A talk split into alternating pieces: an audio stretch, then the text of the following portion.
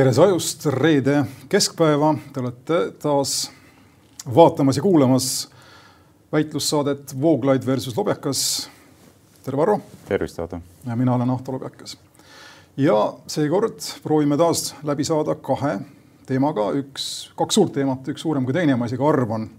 esimene teema on, see suur teema, päris suur teema on valitsuskriis ja no mis meid puudutab, siis ilmselt enamjaolt me räägime selle asja tagamaadest, mitte tingimata poliitilisest mehaanikast, kuigi ka see on oluline. räägime väärtustest ning teine teema on või puudutab siis Riigikohtu sellenädalast otsust mitte kuulutada põhiseadusvastaseks valitsuse või koalitsiooni soovi ära kaotada teine pensionisammas. ja alustame siis või haarame härjal sarvist, võtame ette noh, praktiliselt ma ütleksin Rootsi laua kõikidest nendest väärtusküsimustest, mis meie ühiskonna ees seisavad, mis iga kord, kui mõni, kas siis Helme seenior või Helme juunior midagi ütlevad, mis siis alati nagu välja käiakse, mille üle kestab või käib pikk arutelu. ja nagu ikka selles koalitsioonis otsusele ei jõuta ja kui ma nüüd lihtsalt lühidalt alguses summeerin nagu enda vaate asjale, siis see, mis juhtus nüüd eilse koalitsiooni ühisavaldusega millega pandi punkt siis valitsuskriisile pärast seda, kui Mart Helme oli öelnud, et kõik homod võivad Rootsi joosta või Rootsis joosta või mis iganes see täpne semantiline nüanss siin oli, igal juhul ta ütles, et Eesti homod võiksid kusagil mujal olla. sellele pandi nüüd kriis siis ühisavaldusega ja selles avalduses pandi vastakuti äh, ja lahendust andmata siis pingesse kaks põhiseaduse paragrahvi. number kaksteist ütleb, et kõikidel Eesti inimestel on võrdsed õigused sisuliselt ja number nelikümmend viis ütleb siis paragrahv nelikümmend viis, et kõikidel Eesti inimestel on arvamusvabaduse või õigus arvamusvabadusele, nende arvamus on vaba ja noh, minu arvates on, on väga ohtlik, et selline pinge üles seati ja vastamata jäeti, aga noh, tegelikult kui me nüüd ridade vahelt loeme, on asi veel hullem, sellele pingele võrdsete õiguste diskriminatsiooni puudumise õiguse ja arvamusvabaduse õiguse äh, pingele anti tegelikult vastus ära selle avaldusega, mitte et igaüks, ma arvan, kes sellele alla kirjutas, päriselt aru sai sellest, kindlasti mitte peaminister, kes on üsna ignorantne nendes küsimustes.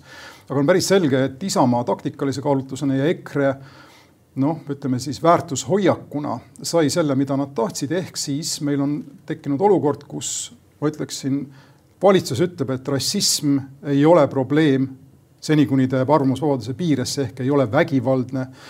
homofoobia ei ole probleem samamoodi ja misogüünia ehk naistevastasus ei ole probleem seni, kuni ta ei ole vägivaldne, sest nagu me teame, Eesti seadus ütleb, et mingit diskriminatsiooni ei ole seni, kuni ei ole otsest tahtlust kellelegi halba teha. ja et selline vastus on nüüd sellele probleemile antud, ma ütleksin, on äärmiselt kahetsusväärne ja noh, sõnad on teatud mõttes liigsed, Eesti on teinud ühe enda olulisematest tsivilisatsioonilistest valikutest sel aastatuhandel? no sa esitad seda asja väga dramaatiliselt, mina näen seda palju sellise vähem müstifitseeritud olukorrana, ma näen siin palju, kuidas ütelda, maalähedasemaid kaalutlusi, mis paistavad läbi selle kriisi tagant, selle põhjustena.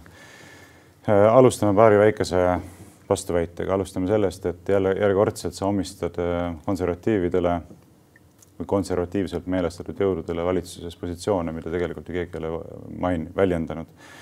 et sa ütled, et rassism on vastuvõetav, homofoobia on vastuvõetav, misogüünia on vastuvõetav.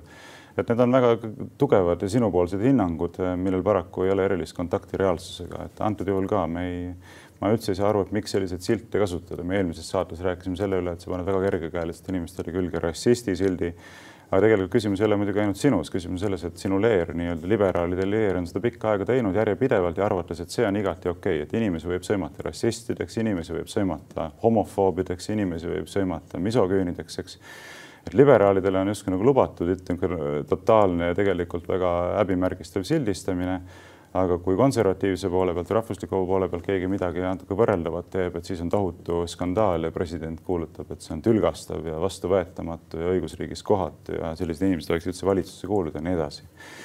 seda esiteks. teine asi on see, et Mart Helme ei ole just nimelt öelnud, et kõik Eesti homod võiksid Rootsi joosta, et see on sinu poolt selgelt äh, tema seisukoha moonutamine, kui me vaatame reaalselt, mida ta on öelnud, siis sellist asja ta tegelikult öelnud ei ole ja sa pead seda tunnistama, tegelikult see ei ole lihtsalt niisama. Ma kirjutasin ka välja, sest ma teadsin, et see küsimus võib siin aktualiseeruda. küsimus, mis esitati Mart Helmele, see kõlas sõna-sõnalt, no nii täpselt kui Postimehe veergudel keegi professionaalne tõlk on selle tõlkinud, jah. ütleb nii, et kas siis jooksevad kohale geid ja ujutavad Eesti rahva üle, siis ehk kui homoabielu seadustatakse Eestis, eks. ja selle peale vastab äh, Mart Helme, las jooksevad Rootsis või Rootsi, kuidas soovite, eks, kui tõlkida sõnu või mõtet või mida iganes seal kõik vaatavad neid, kuidas nüüd öelda, sõbralikuma, viisakama pilguga. ehk teisisõnu, küsija küsib, kas siis välismaalt jooksevad inimesed Eesti, need homoseksuaalid jooksevad Eesti, kus siin seadustatakse homoabielu ja Mart Helme vastab, las jooksevad Rootsis või las jooksevad Rootsi, Rootsi. ehk jutt ei käi üleüldse Eestis olevatest inimestest, kes peaks Rootsi minema, vaid jutt käib vaadates vastust ja küsimust koostoimes välismaalt Eestisse tulevatest inimestest, kes ütlevad, mingu parem Rootsi, sest seal on nendele liberaalsema keskkonna näol ilmselt meelepärasem keskkond. mida ta valesti ütles? mitte midagi põhimõtteliselt. kõik on õige, aga lihtsalt nüüd vaata seda, täpselt nii nagu sina moonutasid tema sõnu, nii on moonutanud seda opositsioon täiesti sihiteadlikult ja järjepidevalt, nii on opos seda moonutanud opositsiooni osana president nii on moonutanud seda meedia ja siin tegelikult peaks ka meedia nüüd peeglisse vaatama, et kui teie peate kajastama asju faktitäpselt, ja mitte looma õlekõrre mehikesi, keda peksta selle inimese seisukohtade asemel, mida ta tegelikult ütles, siis see ei ole lihtsalt professionaalne käitumine ja, ja kõige selle tagant minu jaoks vaatab vastu kaks asja. esiteks, kogu kriisi tagamaaks on mitte Mart Helme väljaütlemised, vaid Keskerakonna soov saavutada täpselt see tulemus, mida saavutati, referendumi aja muutmine lihtsalt Mart Helme intervjuud kasutati ära selleks, et kiskuda üles tüli, skandaal, mis võiks laheneda täpselt nii, nagu nad äh, saavutasid, nii.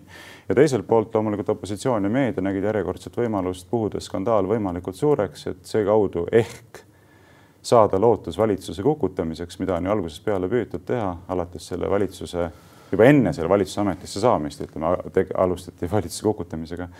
aga see siis paraku ei õnnestunud, nii et küsimus ei ole üldse väärtustes, küsimus ei ole üldse väärtustes, kui sa vaatad ka selle kriisi lahendusteks, räägiti kõvasti väärtustest, oi, kõik peavad olema võrdsed ja kedagi inimväärikust ei tohi kahtluse alla seada, kedagi alandada, mis on noh, täiesti laest võetud süüdistused. aga lõpuks Keskerakonna jaoks rahuldav lahendus on see, et muudame lihtsalt referendumi aja ära, eks. Nii et äh, see kõik tõestab seda, et tegelikult kriisi tagamaad ja põhjused olid hoopis teistsugused. Ma olen sinuga nõus, et Keskerakonnas ei teata sellest, vähemalt selle Keskerakonna, ütleme siis juhi tasandil ei teata sellest, mis tegelikult kaalul on, ei ööd ega mütsi, kui nii võib öelda. ma ei taha öelda, et kogu Keskerakond oleks ignorantne, aga Jüri Ratas kahtlemata ei saa aru, mis on kaalul nüüd äh, me võime aga, vaielda. ma lihtsalt ühe lause ütlen sulle vahele, et aga samas, eks ole, on tõsi, et nad on väga osavad poliittehnoloogid, tahtsid saavutada referendumi aja muudatuse, mängisid oma kaardid väga osavalt välja ja saavutasid selle. ma tulen selle referendumi juurde eraldi tagasi, aga üldiselt ma olen sinuga nõus jällegi mündi teise poole osas mm. ehk siis äh, mulle tundub, ühesõnaga ma olen päris kindel, et Jüri Ratas näeb peaministri ametit äh, sarnaselt, ma ei tea, korvpallimeeskonna treeneri, treeneri ametiga, keegi peab seda meeskonda treenima.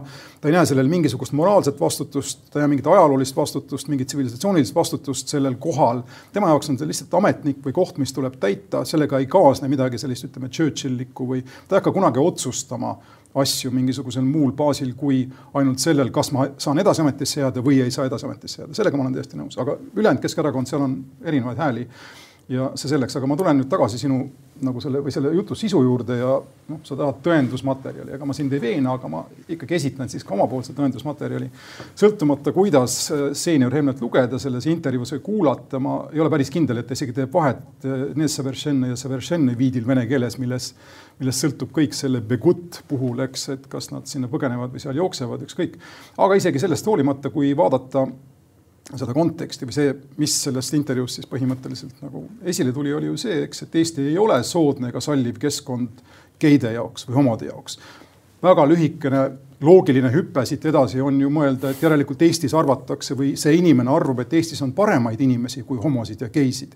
ning see mõte on loogiline tänu sellele, ma ei tea, kui sa lugesid, kuulasid läbi kogu selle intervjuu, siis paar lauset hiljem ütleb äh, seenior Helme, et äh, see on moraali küsimus riik peab olema moraalne, kogu see geide eemaldamine sellest abielu ja perekonna äh, kontekstist. järelikult see, mis on see, kes on gei või need, kes on gei inimesed, ei ole tema ehk riigi valitsuse vaatepunktist moraalsed. sellist hinnangut, see on väga karm hinnang, ma olen, ma, ma usun, et sa oled minuga nõus, sellist hinnangut minister endale lubada ei tohiks ja noh, seda enam ei tohiks selline minister jätkata riigi pajukil olemist pärast sellise hinnangu andmist. aga ma nüüd lihtsalt lisan aga, kahe või kolme lausega. aga ma tahaksin seda kommenteerida ka, siis ma need kohe, absoluutselt kohe, ma lihtsalt, vaata, ma olen nagu seda meelt, eks, et see homofoobia on selles kogu selles loos on ainult üks probleem ja ma lihtsalt kordan üle. see, mida on seenior Helme öelnud Soome peaministri kohta ja üldse naiste kohta võimu juures, mida üldiselt räägivad konservatiivid naistest, kelle jaoks naised taanduvad kahekümne seitsme aastase ideaalvanusega bioloogiliseks või siis nooremaks kui kahekümne seitsme aastase ideaalvanusega bioloogiliseks massiks ehk siis kelle ülesanne on lapsi toota, ei midagi muud, kellel pole ühiskondlikku muud määratlust sisuliselt. me räägime homo, homodest, homodest me rääkisime, kui me tuleme nüüd mustanahaliste juurde, siis anna andeks, juunior Helme on ju ajalukku läinud äh, ütlusega, kui on must, siis näita ust ja seenior Helme on öelnud, et neegritel on puupead. kui, kui see ei ole rassism ja kui seda see valitsus Jüri Ratase juhtimisel ei tolereeri, siis ma ei tea, millest me räägime no selles mõttes ma ütlen ikkagi sedasama asja, et sa põhimõtteliselt ikkagi peksad õlekarja mehikest, no näiteks seesama, mida sa rääkisid naiste kohta, keegi pole selliseid positsioone minu teada vähemalt väljendanud, naiste ainukene funktsioon on vähem hiljemalt kahekümne seitsme aastasena lapsi saada ja nii edasi. aga tohib, ma küsin nüüd vahele, lihtsalt, et sinu juttu korraks suunata, mis sa arvad, et oli Helmete probleem Soome noore naispeaministriga? konservatiivne, tunned sa seal midagi nagu ära või mis, mis oli see probleem? miks tekitas see sellist vahkviha? Seenior Helmes. no ma ei tea, kas see vahkviha nüüd tekkis. no miks ta pidi midagi ütlema sõbraliku riigi vastu, kohta, mida üldiselt noh, tavalises diplomaatilises suhtluses või mis on ettekujutamatamatu, eks ma ei oska öelda, seda peab tema käest küsima, mida ta täpselt mõtles, ma ei hakka tema eest siin rääkima, aga fakt on see, et äh, ilmselgelt ta ei öelnud midagi sellist, nagu sina osutasid et, et naiste ainuke funktsioon on sünnitada lapsi. ta ütles, et köögitüdrukud saavad Soomes peaministriks, sisuliselt ütles seda. no eks see selline halvustav ütlus on loomulikult ja minu arvates ka niimoodi ei peaks ütlema, ma ei näe, mida sa nagu head saavutad sellega ja no Mart Helme probleem ilmselgelt on see, et ta ütleb asju välja ja alles siis pärast hakkab mõtlema ilmselt, kas see oli mõistlik sellisel viisil väljendada või mitte. sellega ta on teinud ju ka EKRE-le päris palju pahandust. aga sa ei arva, et tema sisemine väärtus nagu tunnetus ongi selline? See, see, mida need ütlused nii-öelda kajastavad või peegeldavad, ongi ei, see, mida ta siis inimesena sisimas arvab. ei no seda, ma ei arva küll, et ta arvab seda, et naised oleks kuidagi alaväärtuslikud või et see oleks nende ainukene ühiskondlik funktsioon, nagu sa ütlesid, ma arvan, et see on kindlasti tema positsioonide väärkirjeldus, aga tema käest saab seda alati ise küsida ja ma olen kindel, et annab sulle vägagi sellise vastuse, mis eitab seda. sa tahtsid vist homofoobia koha peal? ma tahtsin öelda jah, et, et miks ei tohi sellist seisukohta väljendada valitsuse minister, et tema arvates äh, homoseksuaalsed suhted on ebamoraalsed, miks? Kas see on mingisugune üllatus kellelegi, et näiteks kristlastele, konservatiividel on selline positsioon, et homoseksuaalsed suhted ei ole moraalsed. just nagu armukese pidamine ei ole moraalne, just nagu mitme naise pidamine ei ole moraalne. et miks ei tohi sellist seisukohta ei tohi väljendada, miks ei tohi? et siin on nüüd väga põhimõtteline küsimus, et kui liberaalid arvavad, nemad saavad hakata ette kirjutama konservatiividele, milliseid moraalseid veendumusi nemad üldse tohivad omandada või ei tohi väljendada siis ma pean teile pettumuse valmistama, et sellist positsiooni kindlasti konservatiivid omaks võtta ei tohi, isegi kui nad seda teevad, on see väga kahetsusväärne. absoluutselt tohib sellist asja ütelda.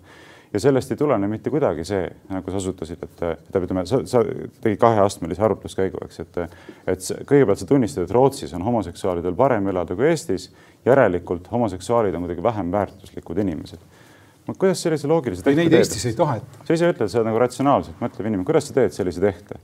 On ju Rootsis liberaalsem keskkond, ei ole või? Rootsis on, eks ole, homoabielu seadustatud. tahad, ma vastan sulle kiirelt või? Äh, ma küsin küsimuse lõpuni, et seal, kas moslemitel on Rootsis parem elada kui Eestis, kus seal on mošeed ja kõik võimalikud äh, muud suured kogukonnad ja on ju parem elada? kui, kui sa ütled sellist asja, ei tähenda, et sa pead moslemit vähem inimeseks. jaa, aga kui ma selle premissi aktsepteerin praegu ja kui äh, seenior Helme oleks selle premissi, selle premissi aktsepteerinud ja nii edasi, siis ta oleks öelnud jah, Rootsis on parem olukord neil aga Eesti teeb kõik endast sõltuva, mina annan enda viimase veretilga selle nimel, et Eestis oleks sama hea neil elada moslemitel ja homodel ja nii edasi, kui ta seda tõesti mõelnud oleks no aga miks ta peaks seda tegema, et äh, igaüks mm., ei, absoluutselt. täpselt, miks ta peaks tegema, sest et ta ei taha neid. sa arvad, et ma libastusin? ta ei taha neid, ei, ma ei arva, et sa libastusid. aga miks ta peaks tahtma, et homoseksuaalid hordidena Eestisse hakkavad? milleks peaks, küsimus on muidugi erakordselt loll, onju. see, see küsimus on, kas siis jooksevad kohale geid ja ujutavad Eesti rahva üle, see on see hordidena kohale jooksmine. küsimus oli reaktsioon seenior Helme eelmistele ütlemistele. See küsi-, see äh, intervjueerija viis lihtsalt juttu edasi. ma ei saa üldse aru, miks sellisel viisil nagu professionaalne ajakirjanik peaks küsimust sõnastama, see on absurd, absurdne küsimus, kas siis jooksevad kohale käidi, ujutavad Eesti rahva üle. kas, kas siis, kui me samas mõttes nagu jätkame, et kas siis Mart Helme peaks tahtma, et geid ujutaksid Eesti rahva üle? okei okay,, kas ma tohin sulle öelda, aktiivselt soov, töötame selle nimel? endise ajakirjanikuna lihtsalt Nii. osutada siin ühele trikile, et kõik te konservatiivid oleksid ka teadlikud siis sellest, mis võib juhtuda, kui te väga lõbusaks lähete ja teil tekib tunne, et te, teid midagi ei ähvarda intervjuu jooksul. selliste trikkidega tõmmatakse vaip jalge alt ära ja see juhtus seenior Helmega, ta libastus. absoluutselt, sellega ma olen nõus ja, ja siin on muidugi Mart Helmele ja EKRE-le üleüldse mõtte, mõttekoht, et fakt on see, et see Deutsche Welle ajakirjanik tõmbas Mart Helme lohku. seda ei saa sellega ma olen nõus. ja Mart Helme kukkus lõksu, andis võimaluse oponentidele alatuks rünnatu, rünnakuks, oponendid loomulikult kasutasid selle maksimaalselt ära, põhjustasid valitsuskriisi, põhjustasid olukorra, kus EKRE pidi tegema järeleandmisi, põhjustasid olukorra, kus Keskerakond sai täpselt selle, mida ta tahtis ja, ja, ja see on probleem Aga.... ma arvan, et paljud inimesed ka EKRE-st saavad aru, et see on probleem, et kui sa ei suuda vältida selliseid libastumisi liberaalsete ajakirjanikele intervjuusid andes. aga miks sa loogiliselt ei mõtle siin antud juhul ja miks sa kipud eitama seda võimalust, et Mart Helme niimoodi mõtlebki, see meenutab mulle, ma ei tea, kas sa kunagi oled. mismoodi niimoodi, ta ei öelnud midagi sellist, mis on lubamatu sisuliselt hüppas sellesse lõksu pea ja jalad ees pea ees, eks ta, ta tervitas selle lõksu avanemist, ta ja, ei mõelnud, talle aga, meeldis sinna minna, see aga, suund oli tema jaoks vastuvõetav. aga probleem minu parima arusaamise kohaselt ei ole mitte see, et ta ütles midagi, mis on lubamatu või täiesti vale, vaid probleem on see, et ta ütles selliseid asju, mida. Alatult käituval opositsioonil on väga lihtne ära kasutada selleks, et valitsust rünnata. opositsioonil nii poliitiliste parteide näol, nii presidendi näol kui ka meedia näol. aga tuleme selle, ütleme selle jutu sisu juurde tagasi, ma jätan toomata selle Kubricku näite, mille ma tahtsin rääkida filmist tuhat üheksasada kuuskümmend üks oli Kubricul film äh, Doctor Strangelove, kus on üks selline nahast ülikonnast ratastoolis natsis, ühesõnaga natsi-Saksamaalt toodud teadlane, kes on nagu sotsialiseerunud Ameerikasse siis kes aeg-ajalt niimoodi peab kontrollima enda paremat kätt, et see ei läheks niimoodi. Helmega minu arvates on väga sarnaselt asjad, aga tuleme tagasi selle, sul on väga hea point oli äh, siin natuke paar minutit tagasi. Äh, väga point selle, selle osas, miks tänane ühiskond tegelikult ka poliitilisel tasandil teeb selliseid moraalseid äh, hinnanguid, ehk siis kui ütleme, minister on abielurikkuja, siis tal tekib probleem praktiliselt igas riigis, see on selge. ja see on huvitav mõte tegelikult, sest et sul on õigus, teatavas mõttes moraal on osa sellest poliitilisest tasandist või ütleme plaanist, eks, millel meil võim tegutseb. aga kui ma nüüd natukene mõtlen selle peale, siis tegelikult homo olemine ja abielu vähe, ütleme abielus kõrvalhüppesse minemise vahel on oluline vahe ja see vahe on oluline, ma tahan lihtsalt välja tuua siin.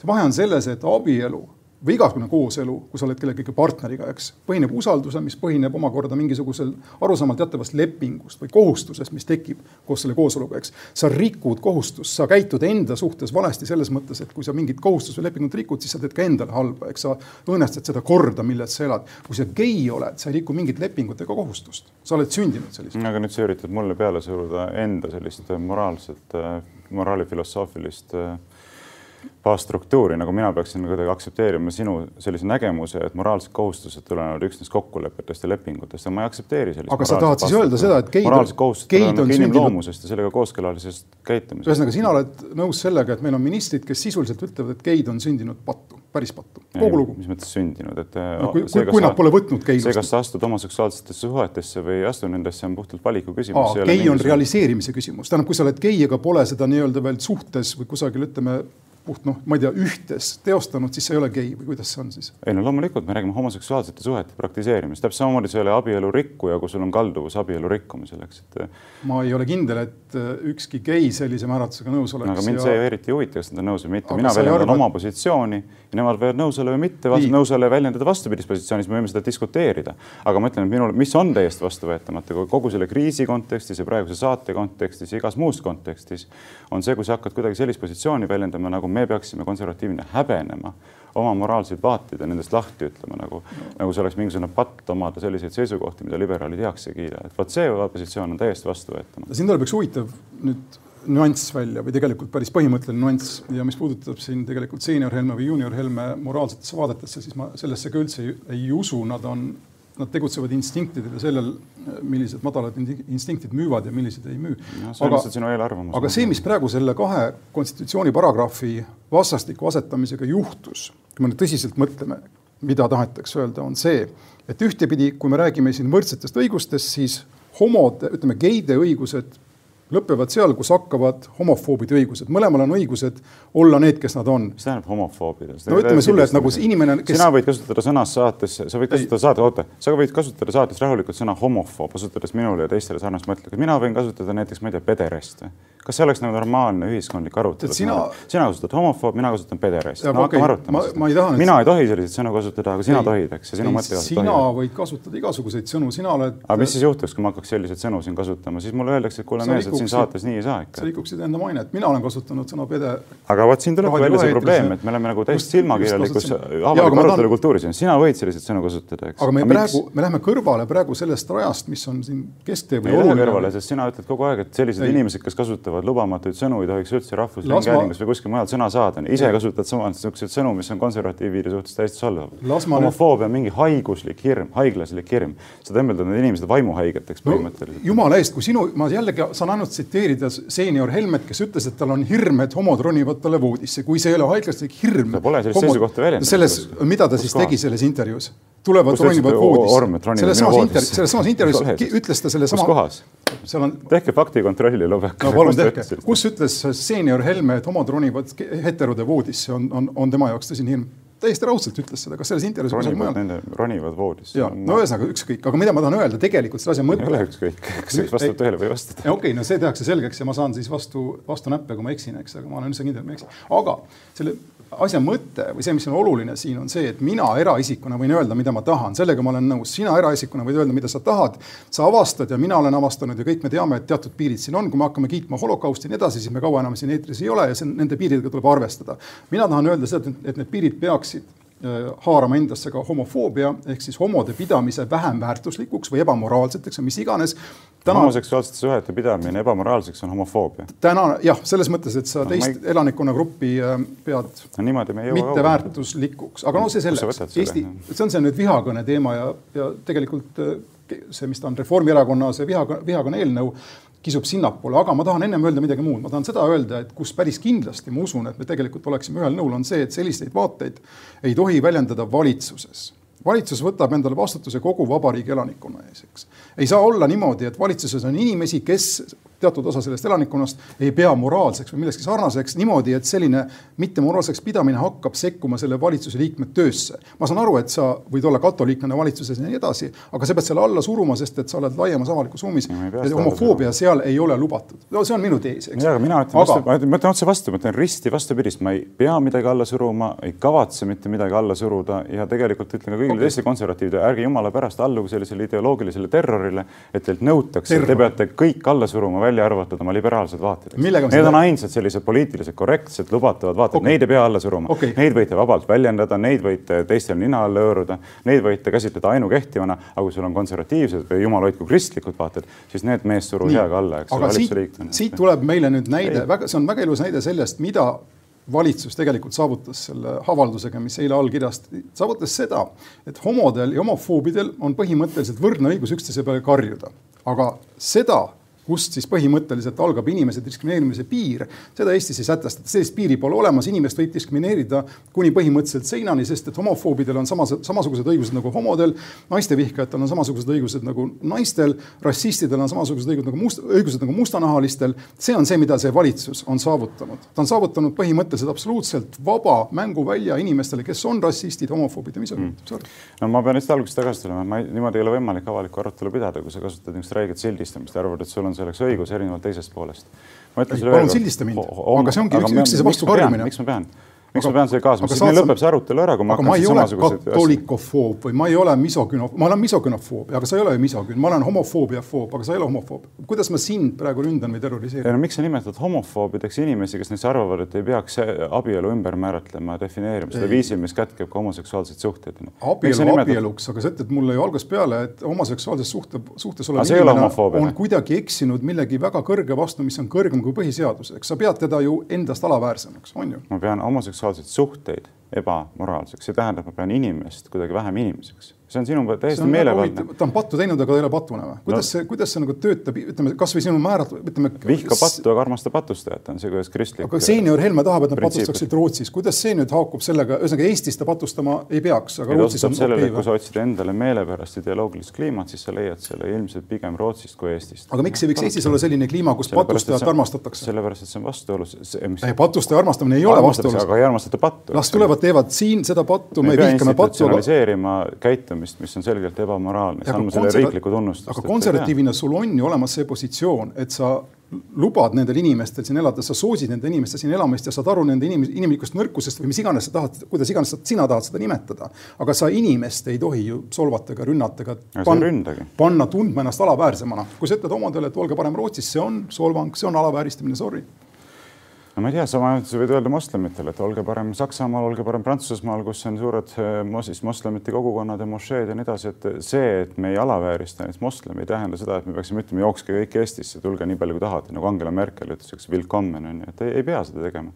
et kui sa ei tee nii-öelda avasüli, ei kutsu kõiki, tulge, tulge minu juurde, eks meie juurde siia, et teil on siin hea elada, siis see ei ole mingisugune alavääristamine. aga siin on kaks asja, siin on kaks asja kaotsi, kaks asja läheb segi praegu, oota, ma lihtsalt selle rassismi või oota, aga nüüd on jälle jõudnud sinna, et mina vastan sinu küsimustele ja sina muudkui ka küsida. mul on ise rääkida, aga sa ei anna mulle võimalust sellest. palun räägi. et äh, tegelikult, kui me tuleme tagasi selle valitsuskriisi juurde, siis mida mina tahaksin öelda omalt poolt on see, et äh, et ma näen siin taustal ühte tunduvalt tõsisemat probleemi, mis vajab ka tähelepanu ja ülejäänud meedia sellest millegipärast üldse ei räägi ja see on omakorda põhjus, miks ma arvan, et me peame sellel peatuma.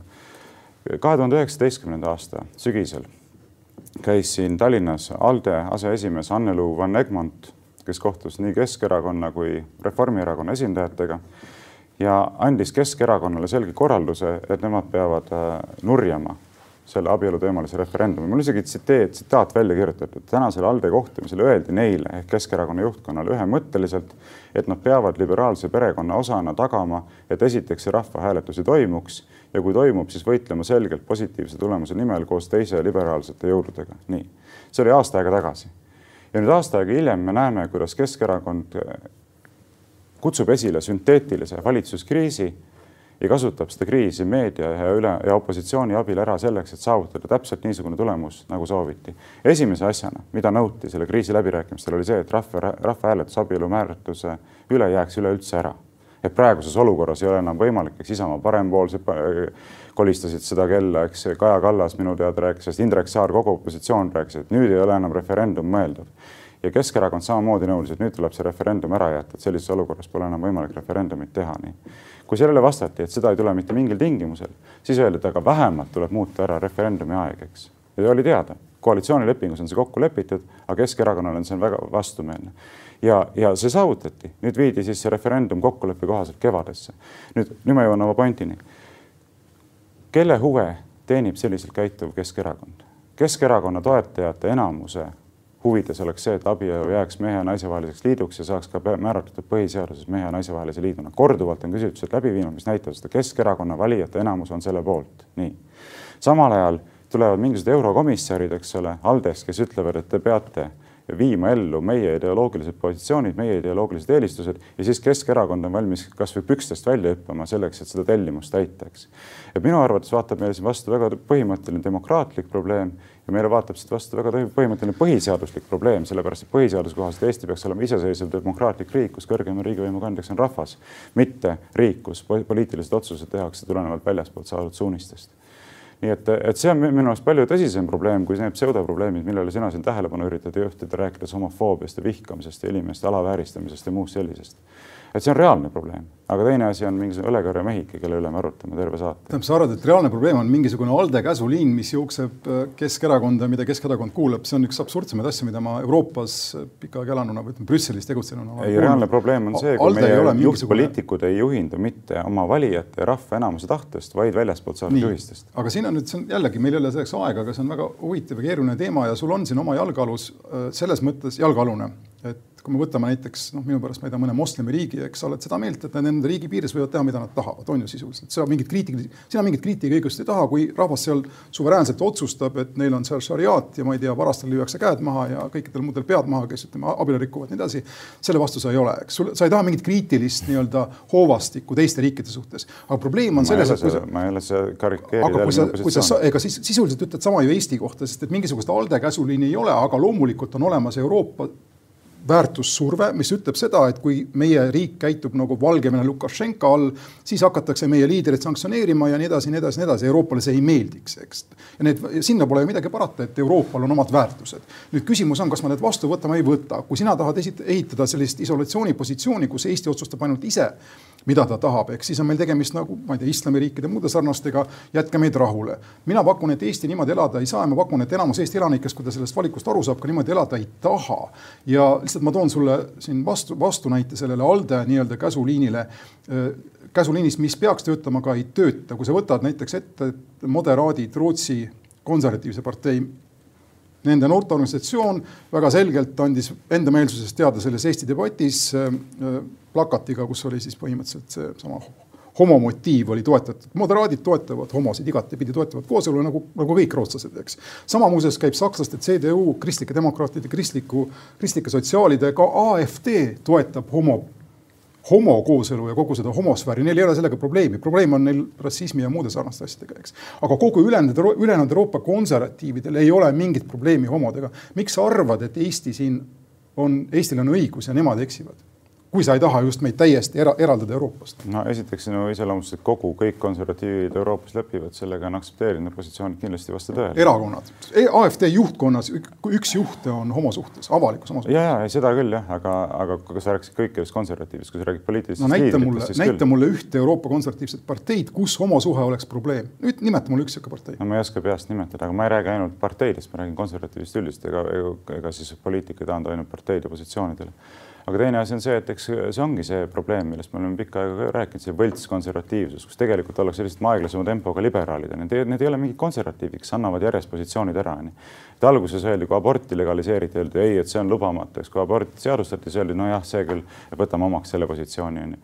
siis, kui oli abielu lahutus ilma mingisuguse põhjuseta, öeldi ei, seda ei tohi, eks ole, see ei ole kooskõlas inimväärikusega, kõige perekonna ja abielu ideaaliga. kui tehti ära, siis öeldi nojah, hea küll, võtame selle omaks, eks siis samamoodi homoseksuaalsete suhetega, ennem öeldakse, et see ei lähe mitte, eks, et see ei ole kooskõlas meie arusaamisega sellest, kuidas peaks ühiskonnas elu korraldama.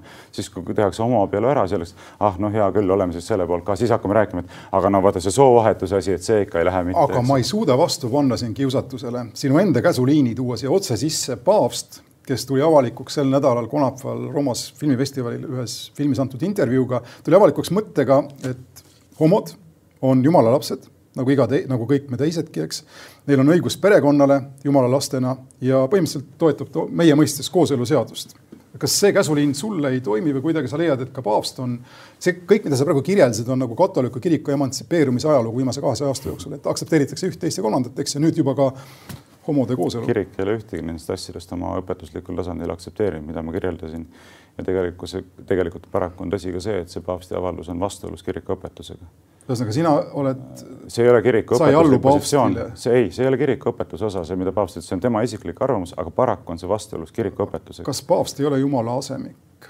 no seda me teeme. läbi Püha Peetruse. kui sa soovid seda teemat arutada, siis me võime seda teinekord arutada, aga praegu me seda vist arutada ei jõua, sest. aga mulle tundub, et sinust on, sinust on saanud mässaja üks väikest viisi mässa tuleb igal inimesel olla, ma arvan, aga, aga ma arvan, et see ei ole praegu see, mida me peaksime arutama, et kui ma tahan, kui ma võin omalt poolt ka nagu ühe mõtte siia lõppu nagu kõlama panna, siis ma ütlen, et kogu selle kriisi kontekstis minu arvates tuleks väga tõsist tähelepanu pöörata ka Kersti Kaljulaiu käitumisele, kes järjekordselt sekkus väga räigelt äh, parteipoliitikasse ja me läheme kohe teise teema juurde, ma ütlen seda. ei, aga kus on Kersti Kaljulaid täpselt keskel, nii et selles mõttes. jaa, absoluutselt, see on nagu just sillana toimib küll, aga kui me vaatame, millised olid tema väljaütlemised selle kriisi keskmes, kus ta ütles, Mart Helme varjamatu vaen Eesti ühiskonna vastu on tülgastav jagada inimesed väärtuslikemaks ja vähem väärtuslikemaks selle alusel, millisena nad on sündinud, on täiesti lubamatu ja vale, pole tehtud sellist asja.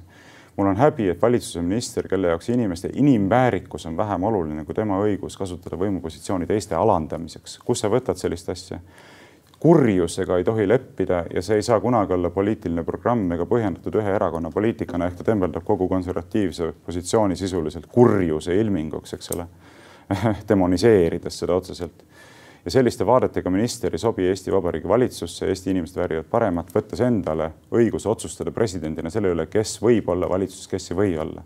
Olles ise inimene, keda pole üldse mitte keegi mitte kuskile valitud, eks pole isegi osalenud presidendivalimistel, hakkab ütlema, kes sobib ja kes ei sobi mingisugusele poliitilisele positsioonile. et minu meelest seda asja tohiks ka nii jätta kui meedia tegutseks ausameelselt, siis tuleks pöörata tähelepanu ka sellele, kas presidendil on lubatav sellisel viisil parteipoliitikasse sekkuda. presidendil on antud juhul täiesti õigus, aga et oleks ka kriitiline noot, siis ma tulen ikkagi tagasi selle kahe, kahe tuhande kuueteistkümnenda aasta jaanuarikuu Isamaa kaks null konverentsi juurde, kus president, veel mitte muidugi presidendina, Kersti Kaljulaid jagas poodiumit doktor Vahtre ja Margus Tsahknaga ning ei öelnud mitte midagi selle, sel hetkel või pärast seda, kui Margus Tsahkna oli oma kõnes öelnud, et Eestist võiks saada Rootsi ja äh, Saksamaa sisuliselt valgete Bantustan, kui need riigid seal sisserändajatest üle ujutatakse, siis oleks pidanud Kersti Kaljulaid sedasama mõtet, samu mõtteid väljendama, aga noh. võimalik. nii, me teeme väikse vahe, et olla kohe tagasi teise teemaga ja nüüd äh, veidi asümmeetriline, nagu see asi on, aga võib-olla on sellest kasu näiteks Kersti Kaljulaidil, meil ei ole aega olla ega ausalt öeldes ka minul tahtmist olla väga kriitiline tema, tema suhtes, aga Kersti Kaljulaid. igaüks rääkige kõik enda eest. no selge, me kohe jõuame sinna. Kersti Kaljulaidul oli au, Kaljulaidil, nagu ta tahab ennast nimetada, äh, oli au olla siis sel nädalal ühe olulise põhiseadusliku äh, miilikivi mahapanemise juures Riigikohus otsustas, tõsi küll, mitte ühesõnaga absoluutse enamusega, aga mitte küll päris ilma vastuväideteta, et koalitsiooni või valitsuse soov kaotada ära teine pensionisammas ei ole põhiseadusvastane ja sellega võib edasi minna. palun. no ühelt, esiteks alustame sellest, et väga tänuväärne, et Riigikohus sellise otsuse langetas, et pidades silmas, et pankade kui ülimalt jõukate huvigruppide lobi on olnud ju väga jõuline ja laiaulatuslik, intensiivne, siis ei oleks olnud ka sugugi ebatõenäoline, et Riigikohus sisuliselt ikkagi läheb kaasa selle narratiiviga, aga kuivõrd tegu oli selgelt poliitilise otsusega ja ma arvan, et Riigikohus ka oma otsuses paljuski just sellest kaalutlusest lähtub, ta küll ütles otse välja, et tegemist on poliitilise otsusega, me ei saa. noh, ta tegelikult ütleb ka seda mitmes kohas nagu ääri-veeri et sisuliselt me ei saa sellesse sekkuda, kuna tegemist on poliitilise otsusega ja ma olen alati püüdnud seda rõhutada ja esile tuua, et väga suur osa sellest, mis puudutab põhiseaduslikkuse järelevalvet, on tegelikult lihtsalt poliitika, poliitilised otsused, eks. mida ütleb näiteks põhiseaduse, mis, mida tuletab näiteks põhiseaduse paragrahvist kaksteist, mille üle me siingi nagu natukene vaidlesime, eks. see on paljuski maailmavaateline poliitiline otsus, nii ja kui Riigikohus hakkab selliseid asju otsustama, siis ta sisuliselt langetab poliitilisi otsuseid. ja muidugi on kohtutel alati kiusatus seda teha, eks, sellepärast et sellega sa haarad endale väga palju nagu võimu juurde, eks, hakkad langetama poliitilisi otsuseid, varjates seda sellega, justkui oleks tegemist nagu põhiseaduslikkuse järelevalvega või põhiseadusest tulenevate nõuetega. aga see kindlasti ei ole hea praktika, et kohus ei tohiks seda teha ja väga hea, et siinkohal seda ei tehtud nii seda ühelt poolt, aga teiselt poolt, mis mind kõige rohkem kogu selle kaasuse juures nüüd mõtlema paneb, on see, et milline peaks selles olukorras olema presidendi vastutus, president Kersti Kaljulaidi vastutus. me teame, et president oli üks selle pensionisüsteemi autoritest, selle väljatöötajatest. me teame seda, et temale kindlasti see president, see pensionireform ei meeldinud. ta oli poliitiliselt vastu sellele reformile aga ta maskeeris oma poliitilist vastuseisu argumentidega, justkui see reform oleks põhiseadusega vastuolus. sellest tulenevalt ta keeldus selle seaduse väljakuulutamisest, esimest korda saates selle tagasi Riigikogusse ja teist korda saates selle Riigikohtusse just nimelt argumenteerides, et see seadus on vastuolus põhiseadusega. ja nüüd, kui Riigikohus ütleb, et see seadus ei ole vastuolus põhiseadusega, peaks olema täiesti põhjendatud küsimus, milline on presidendi vastutus palju on räägitud poliitilisest kultuurist ja sellest, mida poliitiline kultuur nõuab. kas selles olukorras ei nõuaks poliitiline kultuur, et president peaks tagasi astuma, kui ta on sekkunud täiesti selgelt seadusandja tegevusse, üritades torpedeerida talle ebameeldivate seaduste jõustumist, tehes seda alusetult? alusetult, ei ole tegelikult alust selle seaduse põhiseaduse vastaseks kuulutamiseks. et minule iseenesest täitsa meeldiks selline mehhanism, kus president oleks, et kui Riigikohus ütleb, et presidendi poolt seaduse jõustumise torpedeerimine läbi selle, et ta pöördus Riigikohtusse, oli alusetu, põhjendamatu siis see tähendaks, et president automaatselt on kaotanud usalduse ja, ja põhimõtteliselt äh, see on ka umbusaldus presidendi suhtes. aga isegi kui sellist mehhanismi ei ole, oleks täiesti kohane, kui president ütleks, jah, ma olen eksinud, ma olen sekkunud lubamatult seadusandja tegevusse ja ma panen oma ameti maha, sellepärast et ma olen minetanud usalduse äh, Riigikogu kui tegelikult äh, kõrgema põhiseadusliku institutsiooni silmis no nüüd sa tunned presidendi motivatsiooni paremini ilmselt kui tema ise ja sildistad teda vasakule ja paremale. mis ma sildistan? no selles mõttes sa ütlesid, et tal ei olnud mingisugust konstitutsioonilist või põhiseaduslikult tõsiseltvõetavat kavatsust, ainult poliitiline soov valitsust torpedeerida no,. aga see tuli ju siit välja, Riigikohus ütles, et ei no, olnud põhiseadusvastasust. mina ütleksin, et Riigikogu, Riigikohus läks päris kaugele ka sellega, et asetada president positsiooni, kus tal ei oleks poliitilist probleemi, ehk siis Riigikohus ütles sisuliselt seda, et see asi oli vaja nagu läbi arutada, lahti arutada. Ja seda on ka nüüd tehtud ja kui ma ei eksi, ka president ütles enda selles pressiteates, et, et see oli tema soov ja ausalt öeldes siin on meil kaks positsiooni ehk kaks võimalust, üks on see, et me algusest peale juba ette nii-öelda teame ära, mis on õige otsus ja ma ei kujuta ette, kes seda täpselt siis hindab, kas kuidagi südamest tead või ei tea, eks.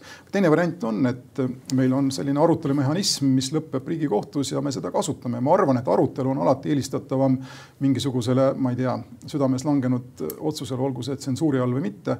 igal juhul asjad avalikuks tuua on alati eelistatav asjade mitteavalikuks toomisele. aga ometi sa oled ju nõus sellega, et oleks kahetsusväärne, kui president hakkaks süstemaatiliselt pidevalt jätma seaduse välja kuulutamata, pöördudes Riigikohtu poole, vaidlustades nende põhiseadusele no, vastavust. aga miks sa arvad, et iga seaduse puhul võib leida aga... mingisuguse riive põhiseadusega? väga kaugel olgu minust mõte, et ma midagi tean Kersti Kaljulaidist või teda ümbritsevatest inimestest, aga ilmselgelt nad ei ole rumalad ju, päris rumalad, eks. no mida me teame. ma olen päris kindel, et ta ei lähe järgmise seadusega või ülejärgmise seadusega jälle Riigikohtusse. ta on kindlasti saanud sellest õppetunni ja see on selle asja nii-öelda poliitilises loogikas, see õppetund on, on ehk kõige väärtuslikum aspekt kogu selles, kogu selles kremplis. ma ei ole kindel, et, et, et see on õige asja eest saadud. põhimõtteliselt ka mina olen nõus, kui ma ütlen midagi, lihtsalt midagi asja sisu kohta mm. -hmm. mina, minagi olen seda meelt, et kogu see reform või see teise samba ärakaotamine on lihtsalt Isamaa selline silmamoondustrikk, millega rahastatakse vanemaid pseudokonservatiivseid inimesi või nende unelmaid või jäetakse neile mulje, et nad saavad raha, samas kui tegelikult nende pension tõuseb järgmisel aastal kakskümmend eurot, eks, mis on naeruväärne, ühesõnaga Isamaalgi puudub tegelikult hea plaan Eesti vanema inimese jõukaks tegemiseks. Nad üritavad kopteriga veidikene raha külvata ja see on kogu selle asja tulemus noh, tõsiasi on see, et kui meil lapsi ei ole rahvana, siis me võime igasugused pensionisüsteemid äh, lähemas või kaugemas tulevikus nii või teisiti ära unustada et ka seesama esimene sammas on määratud hävingule, sellepärast et demograafiline tasakaal kaob, pensionäre tekib nii palju juurde, noori inimesi, kes loovad hüvesid, maksavad makse, jääb nii palju vähemaks. et need süsteemid kollapseeruvad nii või teisiti, see on paratamatus sellise demograafilise tasakaalutuse olukorras, nii et mina näiteks arvestan täiesti kindlalt sellega, et mina mitte mingisugust pensioni siin Eesti Vabariigis suure tõenäosusega ei näe. Et noh, kindlalt tõenäosusega, eks noh, ma ei saa kindlalt öelda, aga suure tõenäosusega mina mingisugust pensionit ei näe, minu lapsed näevad seda veel vähem. Nii et tegelikult see oleks ka aus nagu poliitilisel tasandil välja öelda, mitte nagu inimesi eksitada nende juttudega, et koguge ja saage ja siis ja pange raha kõrvale, et lõpuks äh, ei ole see raha mitte midagi väärt selles olukorras, kus on kõvad inflatsioonid üle käinud, on võib-olla hüperinflatsioonid ja ei ole neid pensionisüsteeme ka enam. aga siin on sul kaks asja nüüd nagu jällegi koos ja ma tahaks need ära lahutada, üks ma... asi on nende tuleviku, ma tahtsin lisada veel paari asja tegelikult. aga, aga no. oota veidikene, üks asi on enda tulevikku investeerimine ja seda tuleb kindlasti toetada, kas just sellel moel, et sa annad enda raha panga kätte ja pank siis võttes suuri hooldustasusid teeb äh, investeeringuid, millest tegelikult sul lõpuks kasu ei ole. see on küsitav, siin ma ei ole, mul ei ole päris selget oma arvamust, ma arvan, et iga inimene peaks investeerima, aga ma arvan, et ka suur osa inimesi ei ole selleks võimelised no,. küsimus ei ole selles, kas riik... peaks või peaks, küsimus selles, kas riik peaks sundima inimesi andma oma raha võiks... era, erafondide kätte. mina ütleksin, et riik vähemalt võiks inimestele anda tasuta teenust investeeringu nõustamise osas näiteks. no see on lihtsalt üks mööduv mõte, aga põhimõtteliselt lapsed siia sisse tuua, selles, selles ma nüüd kindel ei ole, see, see lastega seos ühiskonna jah, mingi üleminekuperiood on, eks, kui meil on pensioni, pensionisüsteem ehitatud üles sellele, et äh, tänased töötajad maksavad tänaste pensionäride elu kinni, siis meil on muidugi probleem, aga ma usun, et ka see probleem on lahendatav süsteemi muutmisega ja laste arvukus iseenesest, on ta väike või suur, ei ole selle süsteemi südames. süsteem tuleb muuta ära või leiutada mingi, leida mingi teine viis seda kõike toot- või ülal pidada, sest et mingil hetkel ju sinu enda mõttekäik viib selleni, et kui meil on need lapsed, kes, keda täna on vähe, saavad suureks, on probleem palju väiksem, eks järsku nemad saavad palju lapsi ja neil on väga hea elu. nii-öelda pikas ajalises vaates, mis vahet seal on siis? Ei no vahe on väga oluline, sellepärast et kui on vanu inimesi rohkem kui noori, siis pole lihtsalt vanad inimesed tarbivad rohkem ressursse, eks tervishoiukulud ja muud sellised asjad, pensionid ja nii edasi, noored loovad neid. ja aga sinu lapsed saavad palju lapsi ja neil on palju parem juba. kõik nagu tuleb ja läheb, eks, ei ole või? Äh, ei, ma sellest mõttekäigust ei saa ausalt öeldes aru, et fakt on see, et peab olema äh, ressursside loojaid rohkem kui ressursside tarbijaid, vastasel juhul ressursside. aga sa kirjeldad ju seda SKT põhist maailma, maailmamudelit, mis saab ainult siis toimida, kui ta kasvab ja kasvab ja kasvab ja kasvab ja. okei okay no sellest me võime veel rääkida, aga ma tahaksin ikkagi paari asja veel omalt poolt mainida, et eh, esiteks on ikkagi tõtt-öelda ka täiesti uskumatu, et me oleme pikka aega elanud sellises olukorras, kus väga palju inimesi argumenteeribki, et riigil peab olema kohustus sundida inimesi andma oma raha pankade ja teiste erafondide kätte, kes siis investeerivad neid nende eest, et kuidas me oleme ühiskonna sellisesse kohta jõudnud, see on tegelikult puhas juba selline sotsialistlik mõtlemine, et riik ütleb, et te peate, te peate ühelt poolt on see mingi korporatism, eks ole, et, et suured äh, pangad ja muud fondid dikteerivad poliitikat. teiselt poolt on see sotsialism, seepärast et riik sunnib inimesi, et nad kasutaksid oma raha sellisel viisil. see ei ole sotsialism mõttes..., sotsialism ei annaks inimesele üldse raha kätte, sa oled unustanud, mis on sotsialism. Äh, täpselt, aga no see on teine asi, aga see on tehnokraatia ja ma olen sinuga selle kriitikaga suuresti ka nõus. aga meil ei ole väga palju aega, et seda nüüd arutada. jah, paraku ei ole. kui sul on ühe, üks või kaks osat lõppu, siis palun ei noh, tegelikult oleks tunduvalt rohkem lauseid lõppu kui, kui üks või kaks, aga ma ütlen, peamine on tegelikult ära öeldud, et äh, sekkumine seadusandja pädevusse sellisel viisil presidendi poolt on asi, millele suhtes ei tohiks silma kinni pigistada, sellepärast et kui selle suhtes silm kinni pigistatakse, siis hakatakse sellist äh, õigust pöörduda Riigikohtu poole ja selle kaudu takistada seaduste jõustumist varem või hiljem ja ulatuslikumalt või vähem ulatuslikult kuritarvitada. mina arvan, et president tegi täiesti õigesti, iseküsimus on see, et tegemist näib olevat mingi Isamaa sisetüliga, kui ausalt nüüd see kõik lahti kiskuda, president on sealt pärit ja see mõte on sealt pärit ja, ja see mulle ei meeldi, aga täna on meie saateaeg läbi, täname vaatajaid ja täname ka kuulajaid homme juba siis Kukust. ja kuulmiseni. Kuulmiseni.